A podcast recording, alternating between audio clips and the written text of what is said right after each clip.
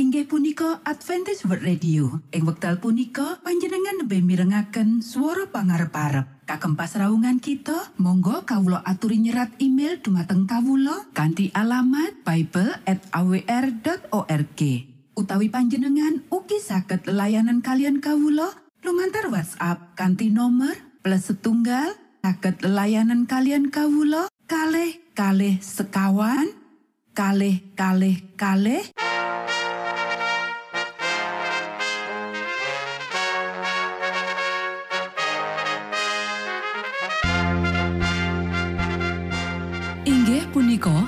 Adventist World Radio ingkang giaran kanthi basa Jawi. Tentrem Rahayu kula aturaken kagem para mitra kinasih ing pundi papan lan panggonan. Sugeng pepanggian malih kalian Adventist World Radio.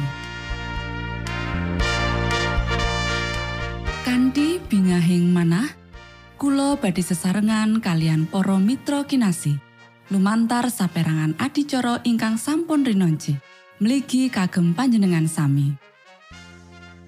Mugi giaran punika saged migunani tuwin dados berkah kagem kita sedaya. Sugeng midhangetaken Gusti amberkahi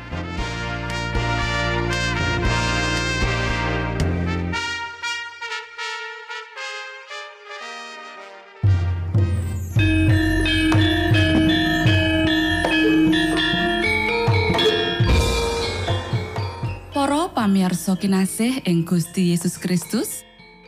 Ing wekdal punika kita badhe sesarengan ing adicara ruang kesehatan.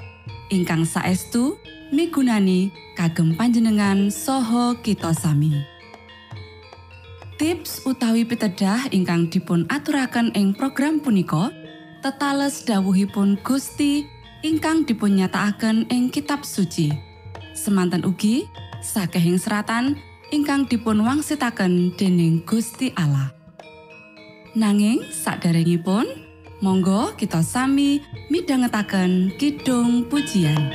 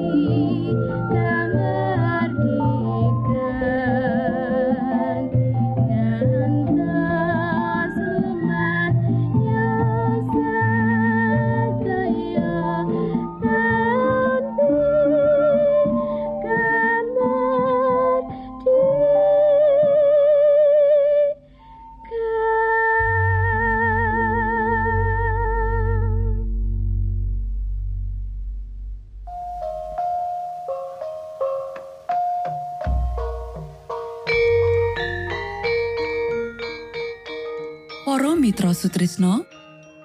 Puji syukur dumateng Gusti ingkang murbeng dumati ingkang sampun kepareng paring wewenngan kagem kita. Satemah saged nglajengaken ruang kesehatan. Pirembakan kita semangke kanthi irah-irahan. Panganan mewah lan meriang.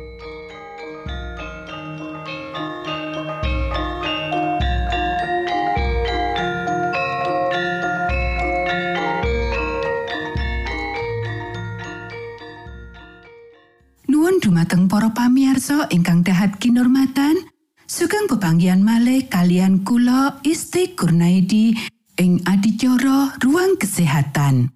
Ing dinten punika kanthi irah-irahan panganan mewah lan meriang. Para sedherek ingkang kinasih, ora ana pangobatan sing bisa mbebasake kowe saka kasusahan sing saiki sawetara kowe mangan lan ngombe sak senengmu. Kowe bisa nindakake iku kanggo awakmu dhewe, nanging dokter sing paling pengalaman ora bakal bisa nindakake. Aturan menu pangananmu. Kanggo maremake selera, kowe asring menehi momotan abot marang alat pencernaan dening ngiseni weteng karo panganan sing ora nyehatake lan kadang kala cacahe ora temtu. Iki ngeselake weteng nganti ora sanggup maneh nampa panganan senadyan sing paling nyehatake. Para sederek, kowe nahanake wetengmu sakjroning kahanan sing tansah diringkehake. Amarga pakulinan-pakulinan salah sakjroning bab mangan. Pangananmu kebangetan mewah. Panganan iku dicawisake dudu kanthi cara prasaja lan alamiah lan babar pisan ora cocok kanggo wetengmu amarga kowe nyediakake kanggo nuruti seleramu dhewe. Alam dipoti lan budidaya kanggo nolak usahamu kanggo nglempohake iku mulane timbul meriang dadi akibate amarga usaha kanggo ngindani momotane. Kowe kudu nandang ukuman paneraan angger-angger alam. Gusti Allah wis netepake pepakon ing sakjroning badanmu sing ora bisa mbok terak tanpa ukuman. Kowe wis bentuk selera tanpa tetimbangan kesehatan. Kowe wis gawe pirang-pirang owa-owahan nanging mung jupuk langkah sepisan wae sakjroning reformasi panganan. Para sederek, Gusti Allah ngersakake supaya kita tarak sakjroning kabeh bab.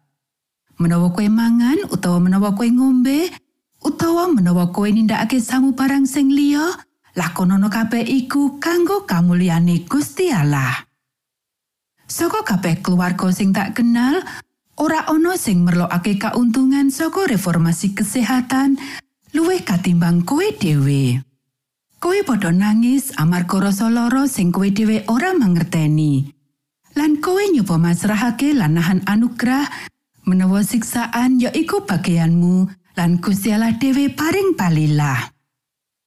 Para sederek menawa kue buka meripat nganti bisa ndeleng langkah-langkah sing wis mbok cukup saksuwene urip nganti kowe ana ing kahanan kesehatan sing merosot iki kowe bakal rumangsa kumun nonton wutamu sing kowe ora mangerteni ngenani kahanan masalah iki sadurunge.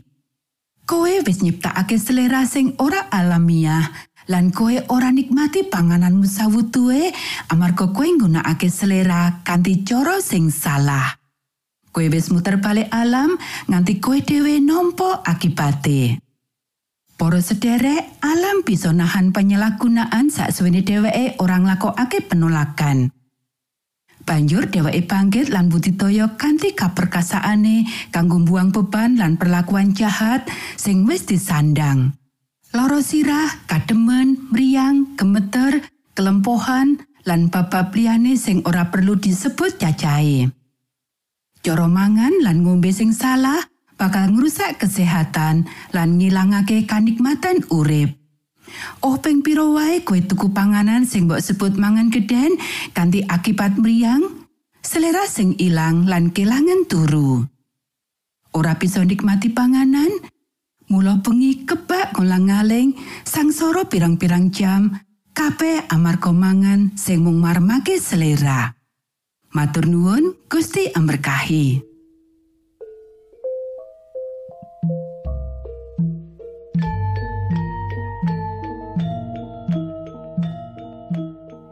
Cekap semanten pimbakan ruang kesehatan ing episode dinten punika.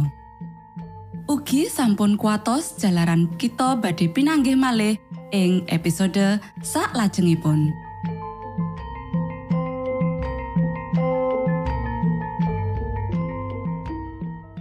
Inggih punika adicara ruang kesehatan.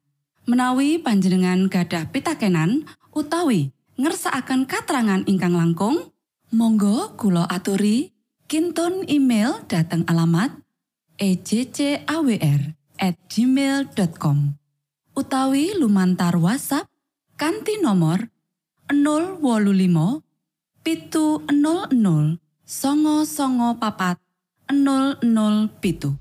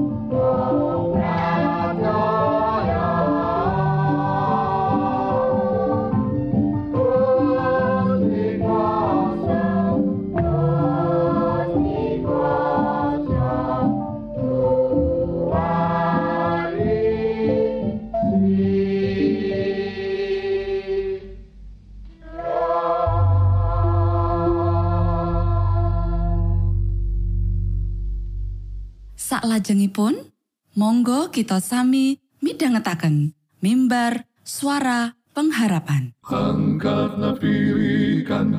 pawarto Sang Kristus paderamu Pro umat samyo puji asmanyo Sang Kristus paderamu Inggih punika mimbar suara pengharapan. Ing episode punika kanthi irah-irahan Soko semplai manah dadi pangarep-arep. sugeng midhangetaken. Sang Kristus paderamu ilmu kawero tambah tambah Sang Kristus paderamu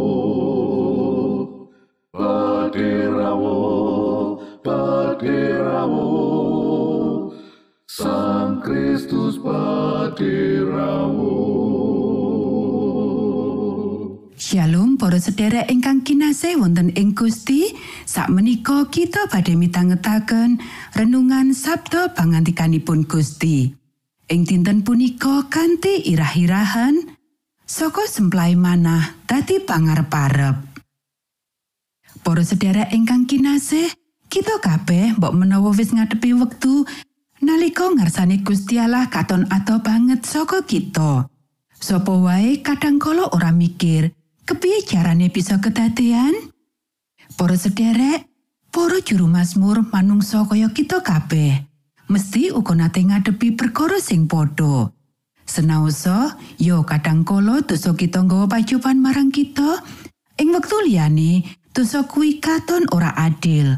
Lan kita rumangsa ora pantes apa sing kita alami saiki. Sepisan maneh, sapa sing durung ngrasakake? Ayo kita waca kitab Sabur pasal telulas. Kanggo lurah pasinden, Mazmur anggitane Prabu Daud. Duh Yahwa, ngantos pinten tangunipun malih anggen patuko boten ngengeti kawula? Ngantos pinten tangunipun malih anggen patuko nutupi wetono patuko dateng kawula? ngantos dumugi benjing punapa anggen kawula ketah ngraosaken kuatos sarta anggenipun manah kawula sedhi ing satinten-tinten ngantos benjing punapa satru kawula anggenipun ngungkuli kawula. Duh Yahweh Allah kawula patuko mugi karsowa mirsani karsowa paring wangsulan dumateng kawula Mripat kawula kapadangno supados kawula sampun ngantos katileman lajeng pecah. Tuwin supados satru kawula sampun ngantos wicanten makaten. Wus tak sorake. Punapa malih mengsah kawula sampun ngantos surak-surak menawi kawula kego. Nanging kawula kumantel dumateng sih kadarman patuko. Manah kawula aping-apingah margi saking pitulungan patuko. Aku arep kekitungan kagem Sang Yehuwa amarga wis paring kasainan marang aku. Para sedherek ingkang kinasih, ing kitab Sabur pasal telulas ayat loro dipangandikaake, Duh Yehuwa, ngantos pinten tangunipun malih anggen patuko boten ngengeti kawula? Sepisan maneh, sapa kang ora bisa mangerteni pangrasa kaya mangkono senaosa kuwi luput? Apa nate Gusti Allah kuwi nglirwakake umate? Mulane ing kitab Sabur pasal telulas nuduhake cara kanggo kita supaya ngindani kaluputan liyane, yaiku ngener marang kita dhewe lan karubetan urip kita nalika asung pandonga. Kitab Sabur pasal telulas iki uga bisa ngowahi pandonga kita kanthi nuntun kita kanggo negesi maneh sifat kasetyane lan ora owah kingsir saka jarane Gusti Allah nresnani umate. Pancen senaosa kitab sabur iki kawiwitan saka pangadu lan pasambat, kuwi ora dipungkasi ing kono lan kuwi punjer kang wigati banget. Kitab sabur sejatine nuntun kita kanggo netepi pengandal marang panebusing Allah. Sabur pasal telulas ayat 6, temah rasa kaweten lan wasumlang kita, Moko sidik menehi dalan kanggo kawilujengan saka Gusti Allah lan kita wiwit ngalami owawan saka sesambat kanggo memuji saka putus asa kanggo pangarep-arep ananging mung baleni tembung-tembung ing sabur kanthi sidik pangerten bab tegese ora bakal nuwuhake owah-owahan kang asli kang dimaksudake saka panggunaane. Nalika ndedonga saka kitab Sabur, kita kudu ngupati Sang Roh Suci supaya kita bisa tumindak miturut panyuwune Mazmur. Para sederek, kitab Mazmur iku sabdane Gusti Allah sing wae karakter lan tumindake wong-wong sing percaya. Dudu mung sak kabar.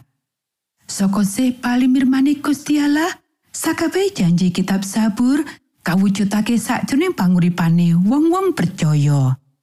Iki tegese kita ngidini sabdaning Gusti Allah mangun kita laras karo karsaning Allah lan nyawijikake marang Sang Kristus sing wis nuduhake kersaning Gusti Allah kanthi sampurno lan minangka putraning Allah kang jilmo wis netungga kaya ing Mazmur. Monggo kita sami ndedonga. Duh Rama kawula ingkang wonten ing swarga, asma patuko mugi kasucikaken. Kraton patuko mugi rawuh. Karso patuko mugi kalampahan wonten ing bumi kados dene wonten ing swarga. Kawula mugi kaparingan rejeki kawula sak cekapipun ing dinten punika. Soho patuko mugi ngapunten kalepatan kawula kados dene kawula inggih ngapunteni tetiang ingkang kalepatan dhateng kawula. Punapa dene kawula mugi sampun ngantos katantukaken dhateng ing panggoda nanging mugi sami patuko uwalaken saking piawon.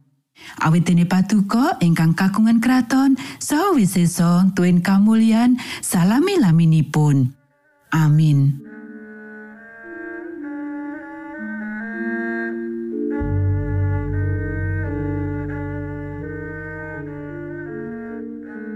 Para Mitra Sutrisno pamiarsa kinasih ing Gusti Yesus Kristus sampun paripurno pasamuan kita ing dinten punika.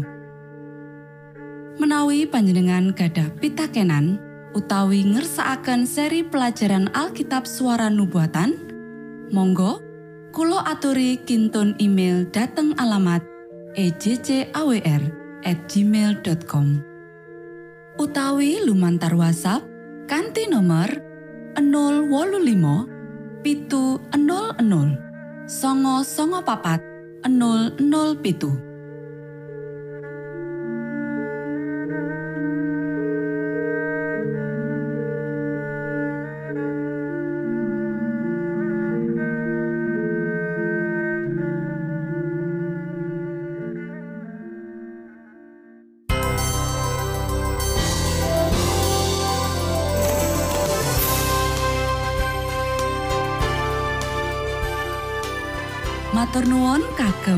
kagem wektalipun kita badhe pinanggih malih ing gelombang ugi wekdal ingkang sami.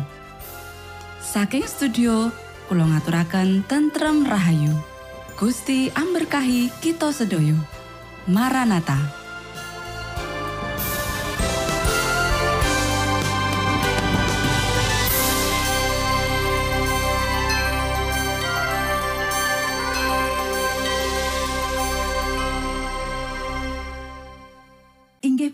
Adventist World Radio. Ing wekdal punika panjenengan lebih mirengaken swara pangarep-arep. Kagem pasraungan kita, monggo kawula aturi nyerat email dumateng kawula kanthi alamat bible@awr.org. Utawi panjenengan ugi saged layanan kalian kawula lumantar WhatsApp kanthi nomor plus setunggal saged layanan kalian kawula kalih kalih sekawan kalih kalih kalih